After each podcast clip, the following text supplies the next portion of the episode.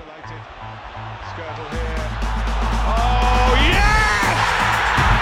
Welcome to Manchester United!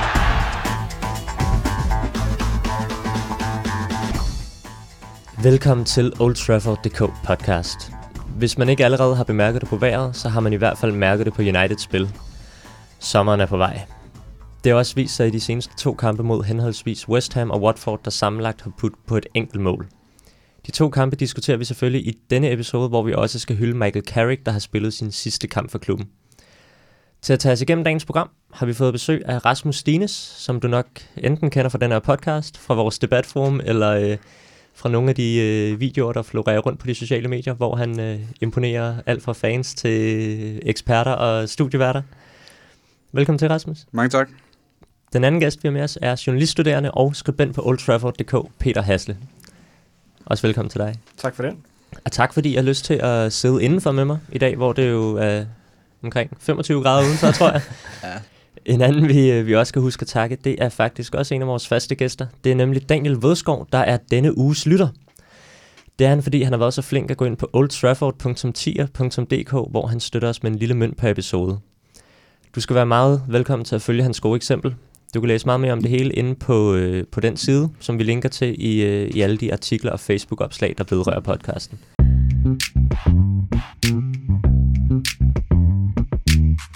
Midtugens kamp mod West Ham endte i et sprudlende 0-0 resultat, der sikrede United andenpladsen i Premier League. Og vi bruger ikke for lang tid på det her opgør, men jeg har bedt jer hver især at tage en pointe med for kampen. Øh, og jeg tænkte, om du ikke vil lægge ud, Peter? Jo, det vil jeg gerne. Øh det er ikke noget, der sådan er, hvad skal man sige, betinget bare på, på, øh, på den her enkelte West Ham-kamp, men noget, som egentlig måske er meget øh, generelt for, øh, for, for United og Mourinho's United-hold. Mourinho har ikke en stamme på sit hold, som, øh, og det, det, det synes jeg er meget kendetegnende ved det her hold. Der er ikke nogen stamme, som han ligesom kan stole på op igennem kæderne, som man husker fra hans øh, Chelsea-hold og Real Madrid-hold. Øh, men det starter allerede i midterforsvaret, hvor det vel kun tænker jeg, at BI han sådan for alvor stoler på. Jeg ved godt, der har været lidt mystik her de sidste, mm. den sidste måneds tid med ham. Men han har jo ikke sin... Øh, det var vel Terry og, hvad hedder han, Carvalho i Chelsea, sin første Chelsea-tid, og så Pepe og, øhm, og Carvalho igen i Real Madrid. Mm. Ikke? Øh, den, den, den stamme har han ikke øh, på, øh, på det her United-hold. Jeg tror, det gør meget i forhold til at, at, at kunne bygge noget op. Øh, og det tror jeg er en af grundene til, at United måske ikke har et eller andet... Det bliver nok aldrig sådan super Klopp, Guardiola sprudlende, når Mourinho først får styr på det, men der mangler noget idé og sådan nogle ting. Øh, og det tror jeg meget, at det falder tilbage på, at der ikke er nogen, ja, øh, nogen stamme på holdet endnu. Hvorfor tænker du ikke, at vi ser en, øh, ser en stamme på United-holdet, som man har set øh, i hans tidligere klubber? Jamen altså lige med forsvaret kan man sige, det er et spørgsmål om mange skader. Altså han har nærmest ikke spillet den samme forsvarskæde på noget tidspunkt øh, i sin United-tid nærmest. Øhm, så er der jo selvfølgelig på midtbanen, kunne man sige, Martic og Pogba kunne jo være en meget god stamme, men ligesom, der, der, der mangler bare en mere, der ligesom får det til at klikke fuldstændig. Så er der Lukaku op på toppen, og selvfølgelig De Gea på mål, ikke? Så der, der er jo tegninger til det, men der mangler bare lige nogen på nogle nøglepositioner, der lige får det til at... Det er måske også usædvanligt, at, at nu er, er han færdig med sin, sin anden sæson i klubben snart, og han har stadig ikke en fast startelver. Det er ellers sjældent, man ser det fra Mourinho. Rasmus, tror du også, at den her manglende stamme på United-holdet måske kan, kan gøre, at spillet ikke er mere sprudlende, end det trods alt er? Ja, det, det kan det godt være. Uh, altså nu er det jo svært, fordi nu baserer vi jo også der på de sidste kampe, vi har set. Uh, nu er det ikke bare, hvad hedder det, Watford og, og West Ham-kampen, det er også kampen mod Brighton, og det er også kampen mod, mod Arsenal, hvor det har lignet, vi har været på sommerferie. Uh, jeg vil sige, at han har forsøgt, Øh, kan man sige, og, og med forskellige konstellationer, men det er ligesom om, der stadig mangler, som Peter er inde på, nogle, nogle missing links, og det er jo det, vi håber, han kan, kan finde i, i løbet af transfervinduet. øh, der kommer nu her forsvaret, det har nok været hæmmet meget af skader. Altså, der er nogle spillere, der, som Bahia og Jones, der går i stykker i tid og utide. Er Smalling god nok? Det er der nogen, der vil stille spørgsmålstegn ved. Lindeløf har vist, at han skal have noget tilpasningstid. Baksen er også, altså Valencia bliver, er 33 eller bliver 33, det kan jeg ikke lige huske. Og så er der du Young på den anden side, som jeg tror aldrig, jeg kommer til at blive tryg ved. Og midtbanen er der også helt spørgsmålstegn omkring Pogba, om han spiller i den rette position. Så der er egentlig kun et par få pladser, hvor man kan sige, dem er man sikker på og stoler på. Og det har været et stort problem, at, at, at de spillere, han har vist tillid, ikke har kunne leve op til den tillid øh, i en høj nok grad. Hvordan har I det med, øh, med Mourinhos tilgang i, i kampene, som, øh, som den her? Ja, men altså lidt for at komme ind på det her, øh, som jeg lige siger, det er fire kampe nu i Premier League, hvor at det ligner, at United har, har været på sommerferie. Øh, Arsenal, Brighton, øh, West Ham og Watford øh, i træk. Og, og det er faktisk min pointe for, ikke bare for, for, for West Ham-kampen, men også for Watford-kampen, fordi de, de minder jo egentlig på meget, mange punkter om hinanden, egentlig bare, at vi får scoret en enkelt, en enkelt pind i, i går. Øh, men, men at det her med, at vi går på sommerferie, og, og vi, vi simpelthen ikke giver fans noget at, at juble over, altså jeg synes, der er en, kan vi være tilfredse med det? Det kan godt være, at vi får de nødvendige point, så vi bliver nummer to, og vi får reddet den hjem mod uh, Watford, og vi får scoret et mål mod Arsenal. Men jeg synes også, at der ikke en pligt til, at vi skal underholde øh, fansene, der betaler i dyrdomme for at tage over og se dem, uh, og har sæsonkort og sådan noget ting. Der synes jeg simpelthen, at vi mangler uh, noget mere for det her United-hold, og det, det, det skal vi simpelthen bygge på til næste sæson. Jeg nævnte, synes jeg var inde i podcasten uh, i hjemmekampen mod, mod Swansea, at det var sådan nogle kampe, man i hvert fald vil se mere af, og det har vi slet ikke fået fuldt op på imod de små hold. Jeg synes også, at man har... Øh, noget, af den, noget af det, diskussionen hele tiden har gået på, det har været det her med, med underholdende fodbold over for, for resultater. Og den her kamp mod West Ham var virkelig et tydeligt eksempel på, at man fravælger underholdende fodbold for at få et, et brugbart resultat hjem. Peter, hvordan har du det med, med at, at man skifter øh, altså hele forsvarskæden af, af centerbacks til sidst for, for at få et 0-0 resultat med hjem? Er det, er det okay, så længe at det giver det resultat, man har brug for? Mm, pas, pas, altså, mig som, som United-fan, nej, så synes jeg ikke, det er det. Men det er jo også bare sådan, fodbold er på en eller anden måde. Fodbold er jo også bare at få det resultat, mm. man, man nu engang skal have. Ikke? Og så kan man være fan af det eller ej, men, men det må man jo også bare øh, acceptere på en eller anden måde, at sådan er det. Øh, og det er også sådan, det er, når du har Mourinho som træner. Så det, øh, ja, det har jo også noget at sige der. Man vil nok ikke se Ferguson på samme måde have gjort det. Øh, men øh, altså, jeg synes, det er, hvad det er. Øh, det, er, kan, det har været nogle lidt kedelige, øh, ikke så sindssygt ophidsende kampe, vi har været vidne til her de sidste øh, 3-4 uger. Øh, det bliver forhåbentlig lidt sjovere på, på lørdag, når vi møder Chelsea. Men, øh, men ja, det er, hvad det er. Rasmus, vil du foretrække, at vi, øh, vi spillede som Liverpool, og så måske i stedet for at kæmpe om top 4, frem for at sikre andenpladsen? Så hvis de vinder Champions League, så vil jeg nok, øh, vil jeg nok ikke brokke, brokke mig. Nej, men det er jo svært, ikke? Fordi det er jo også den uh, type, Mourinho er. Altså, han formår at skaffe uh, resultater, uh, uden at det ser, ser sprudende eller farverigt ud. Og så, så kan man sige, altså det der er bare problemet i det her, det er også, som jeg ser det, at Mourinho vil nok altid have fansene på nakken, hvis ikke at spillet bliver bedre, fordi det ligger i Uniteds DNA som klub. Og han er afhængig af hele tiden at vinde trofæer. Altså, der er ikke så, så mange af der heller ikke at spille om. Øh, og Champions League er måske ude for rækkevidde de kommende år, som jeg ser det personligt. Og så er det måske kun FA Cup'en og Premier League, der realistisk kan tilfredsstille en, en United-fan. Og du ved, dem bliver han nødt til at vinde, fordi han har ikke det her med, med spillet, der ligesom flyder. Og hvis ikke du har spillet, og du så ikke får resultaterne, det har han jo fået indtil nu, mm. må man trods alt give ham øh, i sidste sæson, og måske også i den her sæson, så har du ingenting. Men hvis du har det positive spil, men du måske et enkelt år, så ikke vinder nogen trofæer, det ser man jo hos rivalerne, så har de stadig en længere snor. Så jeg tænker, at det, der er rigtig vigtigt for, for fremtiden for Mourinho i, United, det er at de her kampe mod de små hold, der giver han noget mere, mere til fansene, fordi så har de også en længere snor, hvis der er et enkelt år, hvor vi ikke vinder et trofæ, for man kan ikke vinde hvert år.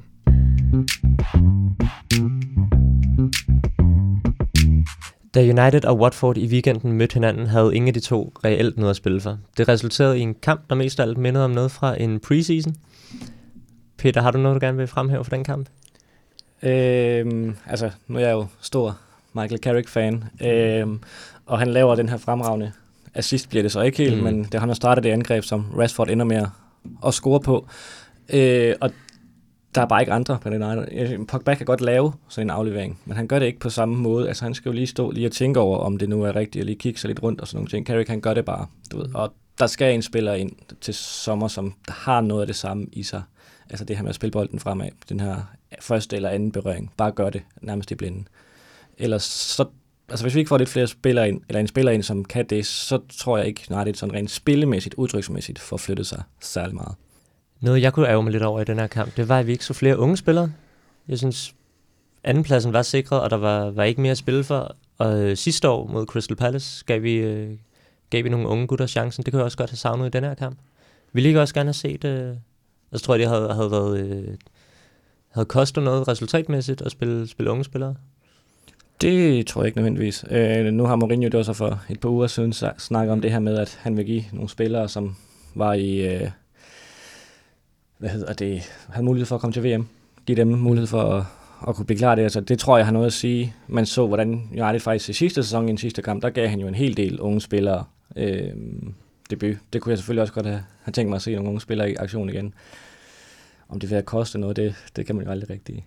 Det ved jeg ikke. Jeg tænker også, at de kan måske byde ind med noget, noget gejst og noget vilje for, for at præstere, som, øh, som, som mange af de ældre spillere måske ikke gør, når de har øjnene øh, stift rettet mod, øh, mod FA-koppen. Ja, altså, jeg, jeg synes, det, det er svært, fordi jeg, kan, jeg, kan, jeg havde egentlig også foretrukket at se nogle unge spillere, dels fordi det, det, er, lidt, det er lidt sjovere, det, det er lidt mere overraskende, der er det der overraskelseselement af, og det er der ikke så meget, jeg ser de United-spillere, man ser uge efter uge, og der er ikke særlig meget spændende ved at se Damian øh, sjældent løbe op ad den højre, højre bak der. Uh, jeg tror også, at der, der var dels det med Carrick, så var der det, som du siger med Romero og Royo mangler, mangler spilletid. Mm. Uh, så tror jeg også, at du ved, der er nogen, der måske spillede deres sidste kamp for United, at han også gerne vil give dem deres sidste, sidste kamp på Old Trafford. Blind, Damian eksempelvis, tror jeg også er fortid. Måske Luke Shaw kom jo ind, ikke? Øh, så jeg tror også, der er de spillere, og så, så tror jeg, han også har tænkt offensivt. Hvis jeg får brug for eksempelvis... øh, Rashford er det så ikke meget godt, at han har scoret et mål, eller Marta, der måske lige har manglet nogle minutter her på det sidste. Ikke? Så jeg tror også, han har kigget på sådan lidt, lidt bredspektret øh, i forskellige mm. hensener. Så på en eller anden måde, så er det ærgerligt, der ikke var plads til de unge, men jeg kan også godt forstå det, fordi der stadig er et perspektiv for, noget af, for nogle af de spillere, han giver, giver en kamp på den ene eller anden måde. Højdepunktet i weekendens kamp var nok, at Michael Carrick spillede sin sidste kamp for klubben. Carrick har været her i 12 år og har nu spillet øh, 464 kampe for klubben. Rasmus, kan du huske Carricks debut for United? Ja, det kan jeg godt. øh, der er jo ikke en kamp, jeg næsten ikke øh, husker. Men øh, hans debut er på udebane imod øh, Charlton i øh, august 2006. Øh, han var faktisk øh, skadet øh, i den preseason op til, han fik en ankelskade i nogle uger op til sæsonåbneren det var den sæsonåbner, hvor vi indledte med at slå Fulham øh, 5-1 på hjemmebane, hvis nogen husker den. Det tror jeg måske nogen står klart i erindring, at vi førte 4-0 efter 20 minutter. Anyway, kampen efter uh, spiller Carrick. Uh, vi fører 3-0 eller 2-0, så kommer han ind de sidste kvarter 20 minutter, og lige, uh, du ved, som han kan, uh, styre spillet og slår et par afleveringer til siden og holder gang i det.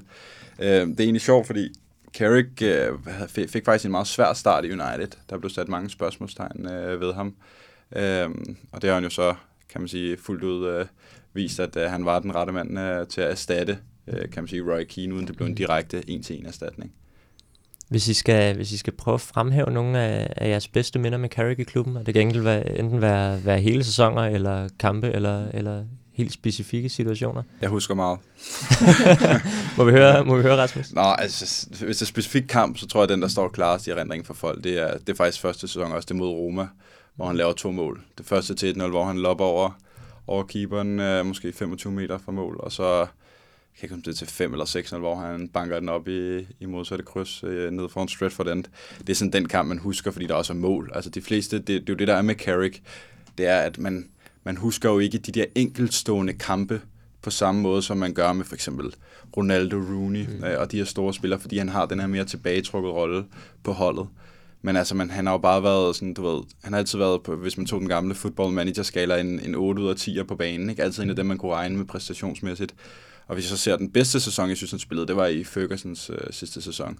Der var mange, der tilskrev det mesterskab til, til Van Persie, og, og med rette, fordi han var også helt fantastisk. Mm. Men en, der havde lige så stor andel i det, det var Carrick i den sæson. Der var han øh, Englands klart bedste midtbanespiller, og blev også, øh, kom også på årets hold. Ja. Så husker jeg så også øh, der var, der var selvfølgelig en håndfuld stykker, der skulle sparke et, straffe, et straffespark i straffesparksfinalen mod øh, Chelsea i 08, men Carrick var også en af dem, der tog et, et ansvar mm. der. Det, altså, om det så var Giggs, Anderson, Tevez, øh, eller nu var der scoret Ronaldo Brandt, desværre, men, men, men de, de spillere der, der tager det ansvar, dem, dem vil jeg altid huske, og, og det med Carrick, jo, det vil jeg så også huske Carrick for, jo, selvfølgelig. Jeg tænker også, hvilke, hvilke kvaliteter er det, der definerer Carrick som, som spillertype? Jamen, altså, nu vi har været lidt inde på det her, eller Rasmus har været inde på det her med hans måde at fordele spil på, mm. styre spil, styre, styre tempoet på en kamp. Det er meget svært at, ligesom, at, at lave en statistik, der viser, at det har Carrick gjort i den her kamp, men, men, men det, og så også altså ham og Scholes, de kunne det her med, at de kunne tage temperaturen på kampen, og de siger, okay, nu øh, gutter, nu, øh, nu, nu, nu tager vi en lige med ro, eller gutter, nu skal vi lige have lidt fart på, og så, så sætter han lige lidt mere fart i afleveringerne, fordi nu skal det altså lige øh, gå stærkere, ikke? Øh, og og det, det er svært at, og, hvad skal man sige, ja, at finde en statistik, og mm. det er også derfor, det er nogle gange lidt med Scholes også det samme, det er først, når de er væk, at man ligesom ser, at, at det, de mangler. Jeg synes også, det der med Carrick, det er, altså han er jo ingen tvivl, en, en, han er sådan en moderne sekser. Mm. Uh, altså i gamle dage, der tror jeg for nogle af os stadig, der er det sådan en sekser, der bare skal erobre bolde, og så skal han skal spille den uh, tilbage til, til nærmeste mand. Altså Carrick kunne styre spillet, som Peter er inde på, og han kunne også, altså det så vi så sent som i, i går, det at slå de her fantastiske fremadrettede afleveringer. Altså, så han var jo en, en, en fantastisk fodboldspiller. Altså, en af de ting, jeg husker ham allerbedst for, det er også, hvordan han læser, læser spillet. Mm. Altså, jeg tror virkelig, han har været en fornøjelse for særligt... Uh, ja, Vidic og Ferdinand er vel dem, der har spillet flest kampe øh, med, med, lige, med ham lige foran til ligesom at læse spillet Robert og sætte angrebene, angrebene i gang. Jeg tror også det her med, uh, nu sagde jeg det her før, at han fik meget kritik i starten. Det tror jeg også, fordi at der var den her direkte sammenligning til Roy Keane, der var stoppet sæsonen for inden, og de, han fik samme dragtnummer. Jeg tror personlighedsmæssigt finder du ikke en større modsætning i, fra Roy Keane til Carrick. Den ene er helt ild og ej, mens den anden er helt stille og rolig. Ikke? Men der synes jeg bare, at vi, vi vælger en type, som senere hen er blevet meget moderne i fodbold, med den her sekser, der ligesom kan spille fodbold, og ikke bare, ikke fordi Roy Keane ikke også kunne spille fodbold, det kunne han bestemt. Men du ved, han minder for mig om en Sergio Busquets i, i Barcelona, og jeg tror, hvis du spørger de fleste Barcelona-fans, så ved de godt, at han er en af de helt store nøgler til den succes, de har haft. Men han har heller ikke fået den der store anerkendelse, som, som Xavi og Iniesta, der har været lidt mere øh, fremtrædende i forhold til mål og assist. Hvil, hvilken betydning har han haft for, for det her United-hold? Jamen, jeg, det er tydeligt, at han er, øh, han er United-fan øh, helt ind til, til knoglerne, ikke? Øh, og det, det tror jeg, han, når man hører de spillere, som nu takker ham, nu her efter kampen på diverse sociale medier, har takket ham for, for det, de har gjort for, for dem som spiller. Altså det er jo det her med at lære den, hvordan man er United-spiller, hvordan man ligesom skal agere på banen. Øh, så bare det her med at, hvad skal man sige, lede øh, efter eksempel. Altså han gør de rigtige ting, og så ligesom viser, det, det, det, det her med, øh, det, det er den her måde at gøre det på. Altså det har han altid vist. Han har altid bare ydet en minimum indsats. Og det har været så tydeligt, tror jeg, at det har smittet af på, på, øh, eller i hvert fald på nogle spillere, så kan man så diskutere, hvor mange det lykkes med de senere år, men øh, ja. Jamen, altså jeg tror, at Carrick har haft en helt enorm betydning. Altså jeg tror virkelig, at men i blandt spillerne, det er også det, man hører nu her, hvor han stopper. Altså, jeg tror ikke, de, øh, altså, de ved, hvor meget han betyder for det at holde den succes, vi har haft. Altså, Carrick kom til i 2006, og siden der har United vundet alle trofæer med ham på holdet. Premier League, FA Cup, Europa League, øh, Champions League, øh, Liga Cup, øh, Klub VM. Han har været med i og været, du ved, en af de første mand på holdkortet. Jeg synes også, man har set det. Det er så ikke, kan man sige, hans lidt ældre år, men man så øh, blandt andet med Van Raal, hans første sæson. Der var Carrick også skadet. Han var meget til skadet åbenbart i starten af sæsonen. Så kom han ind. Vi havde en rigtig dårlig start med Van det første år med ham. Og så kom ind, og så begyndte United langsomt at få sejre, fordi han kom ind og styrede midtbanen. Det samme med Mourinho i hans første sæson. Der var han også lidt ude af holdet, og man brugte Pogba og Herrera på midtbanen, og så kommer Carrick ind, øh, og de begyndte at stille om til en, en 4-3-3 i efteråret 2016, og så fik United også bare flere og flere point. Og det tror jeg ikke var tilfældigt, og det tror jeg, fordi han ligesom var det her bindeled, der fik sine medspillere til at præstere bedre øh, rundt omkring sig. Det er noget, øh, Ferguson, så Alex Ferguson også tit nævnt det her med, han vidste godt, at Carrick var en langsom starter, at det først, når vi nåede sådan oktober, november, så begyndte han at, at toppe. Øh. Nu nævner Rasmus der, at man måske var en smule undervurderet. Hvorfor, øh, hvorfor tror jeg aldrig, Carrick har fået, fået den samme anerkendelse som, øh, som spiller som Xavi Alonso? Øh, jeg tror, det er meget andre. typisk sådan generelt i fodbold England. Altså jeg tror, englænder, hvad skal man sige, hylder mest de type, den type spillere, som de ligesom selv kan, kan spejle sig i. Altså en af dem, de ligesom, altså Rooney er jo mm. elsket også af andre end Everton og United-fans. Øh, Ross Barkley er jo en af de mest hypede spillere overhovedet, men han har bare en status derovre, fordi jeg tror, at englænderne kan, kan, øhm, kan spejle sig lidt i deres personlighed og sådan noget ting. Det har de måske ikke helt på samme måde med, øhm, med, øh, med, med Michael Carrick, der måske er lidt for tilbageholdt og øh, lidt for pæn måske også, øh, på en eller anden måde.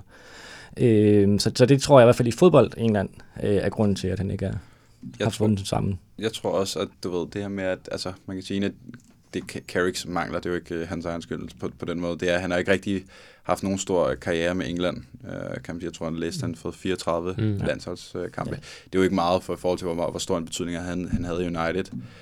Og der, der kan man sige, der tror jeg, at du ved, dels at han var uheldig med, at der på samme tid som ham spillede en Lampard og en Gerrard, som, som også var fantastiske midtbanespillere med på en anden måde.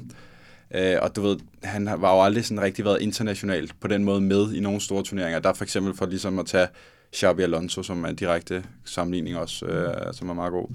Det er jo, han har jo været med til at vinde øh, VM øh, med Spanien og EM med Spanien, så tror jeg også, du får den der bredere anerkendelse øh, rundt omkring i verden.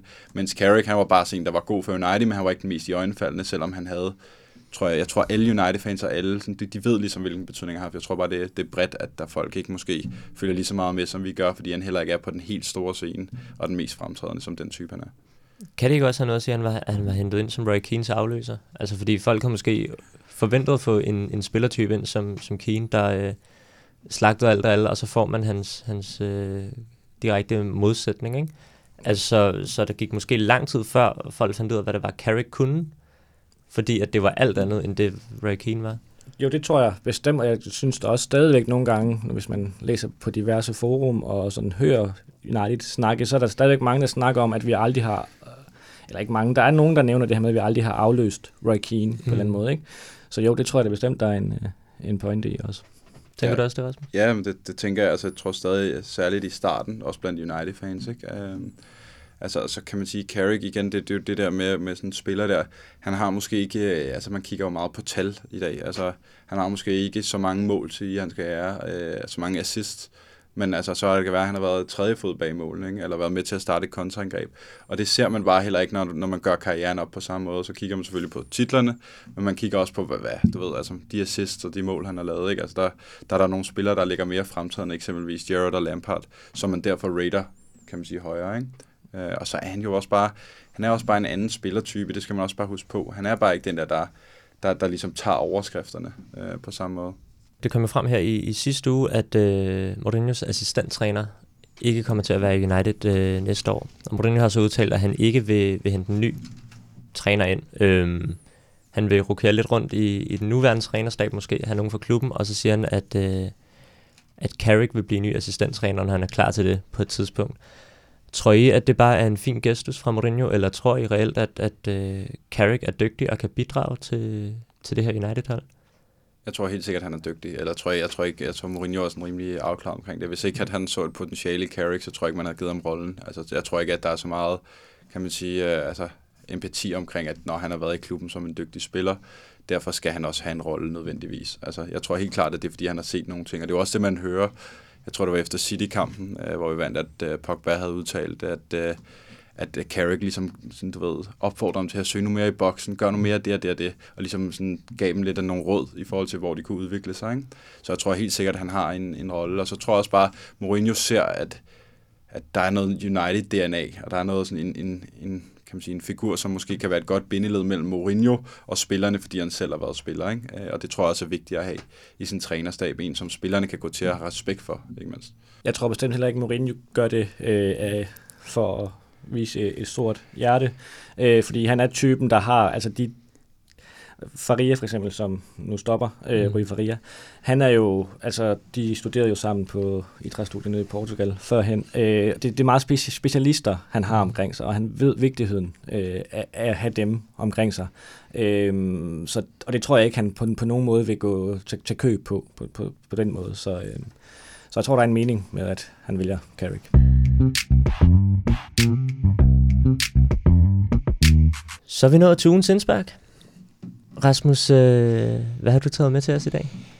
Jamen, altså, jeg vil jo prøve at sådan spice det lidt op, og det inkluderer også dig, Svante, og til alle uh, United-lytterne, øh, som lytter med. Uh, jeg sidder lidt og tænker, nu uh, har vi jo finalen her på, på lørdag, uh, den 19. maj mod Chelsea, og vi krydser alle sammen fingre, uh, for at vi vinder den. Og så ugen efter, så er der den finale, vi måske næsten ikke tør at se, Liverpool mod Real Madrid. Og det er ikke, fordi det skal handle om Liverpool uh, overhovedet. Men jeg, jeg sad bare lige og ville spørge jer, uh, hvad, hvad, hvad I vil foretrække. Vil I foretrække den her konstellation, at United vinder FA-koppen, Liverpool vinder Champions League, eller I skal vælge, United taber, og Liverpool taber til Real Madrid. Der er ikke noget, der hedder United vinder, og Liverpool taber. Det, det håber vi på. Men hvis I skulle vælge, øh, hvordan ville I så have det med, med den ene og den anden? Beklager, jeg ja, ja, din værtrolle. Jeg, jeg, jeg, jeg, kender, øh, jeg kender sgu lidt for mange Liverpool-fans til, at jeg gider at høre på, at de vinder Champions League. Øh, hvis, hvis, hvis de taber den, så har de ikke noget på United-sæson. Så øh, jeg, jeg tager den sidste, at øh, både United og Liverpool taber. Det er faktisk et meget godt argument, fordi hvis, hvis ingen, øh, hverken United eller Liverpool tab, eller øh, vinder, så kan man godt sige, at United har haft en, en bedre sæson. Ja. Det vil man ikke sige, hvis, hvis de begge vinder. Jeg har det også bare, bare skidt med at skulle, øh, skulle øh, gøre Uniteds sæson dårligere, bare for at undgå, at Liverpool vinder. det, det er virkelig det der med, at du, vil du stikke en gaffel i øjet på dig selv, eller spise din egen lort, ikke? Det, Ja. man har ikke lyst til nogen af delene. Ja. Hvad har du selv tænkt, Rasmus? Øhm, jeg er jo så heldig, at jeg skal se kampen på Wembley, så jeg må sige, at når jeg er derovre, så, så vil jeg foretrække en United-sejr. Og det tror jeg nok også, jeg vil, øh, selvom jeg så den på fjernsynet. Det var, var meget lige. 51 procent til, at jeg hellere vil have United-sejr. 49 procent til, øh, til, hvad hedder det, at de skulle tabe den. Men jeg, jeg har det sådan, United bliver nødt til som klub at måle sig i sig selv. Øh, og der, der er det jo, kan man sige, for os, for Mourinho-projektet, er det jo vigtigt, at man, som jeg også selv var inde på tidligere, at man får nogle, nogle trofæer, så man har noget at bygge videre på til næste sæson. Og man kan sige, FA Cup'en, ja, det var, det var nok ikke det, vi håbede, men det er det bedste, vi nu har tilbage. Og du ved, en finale er en finale, og det, United har vundet den 12 gange, og det, det, over deres historie det er jo ikke meget. Så på den måde, hvis vi gør det til 13 gange, så tager jeg også gerne det med, så vi det hold, der har vundet det flest gange sammen med Arsenal. Mm. Så, så jeg vil altid synes, øh, selvom jeg vil have det ret, ret dårligt smag i munden, hvis Liverpool øh, hvad hedder det, skulle vinde øh, Champions League, så vil jeg hellere have, at United også vinder et trofæ. Man kan lige nå at have det godt i en uge, inden, Ja. ja. Man kan sige, det er også, vi er også lidt øh, hjulpet af, at der er et VM-år, så du ved, så kommer der noget andet at snakke om ret hurtigt, ikke? Peter, har du lige så svære dilemmaer med til os? Eller hvad har, hvad har du taget med? Nej, men jeg tror, jeg har en smule, øh, hvad skal man sige, øh, kritik på en eller anden måde øh, af, hvad hedder det, jeg har siddet og tænkt lidt over, hvor mange af Uniteds offensivspillere vil egentlig komme på tale i de andre, altså vi bare tager top 6-klubberne. Mm. Man snakker meget om det her med, United spiller kedeligt, og det har de sandt for dydende også i den her sæson. Øhm, nu behøver vi ikke at snakke om, hvad der er vigtigt, om resultaterne og, eller spillestil mm. er vigtigt, det er ikke det. Men for at man skal have en god og velfungerende offensiv, eller offensiv, så skal det også være de rigtige spillere. Og umiddelbart tænker jeg kun, at jeg faktisk kunne se Lukaku og Alexis i nogle af de andre øh, top 6 klubber. Øh, jeg tænker, Lingard kan jeg ikke se på nogen af dem. Jeg kan ikke se Mata. Jeg kan ikke se... Jeg kan se Martial og Rashford om nogle år, men lige nu og her kan jeg heller ikke se dem. Så der er mange, der synes, Mourinho har været hård ved både Rashford og, og Martial. Men jeg synes måske bare heller ikke, de er der.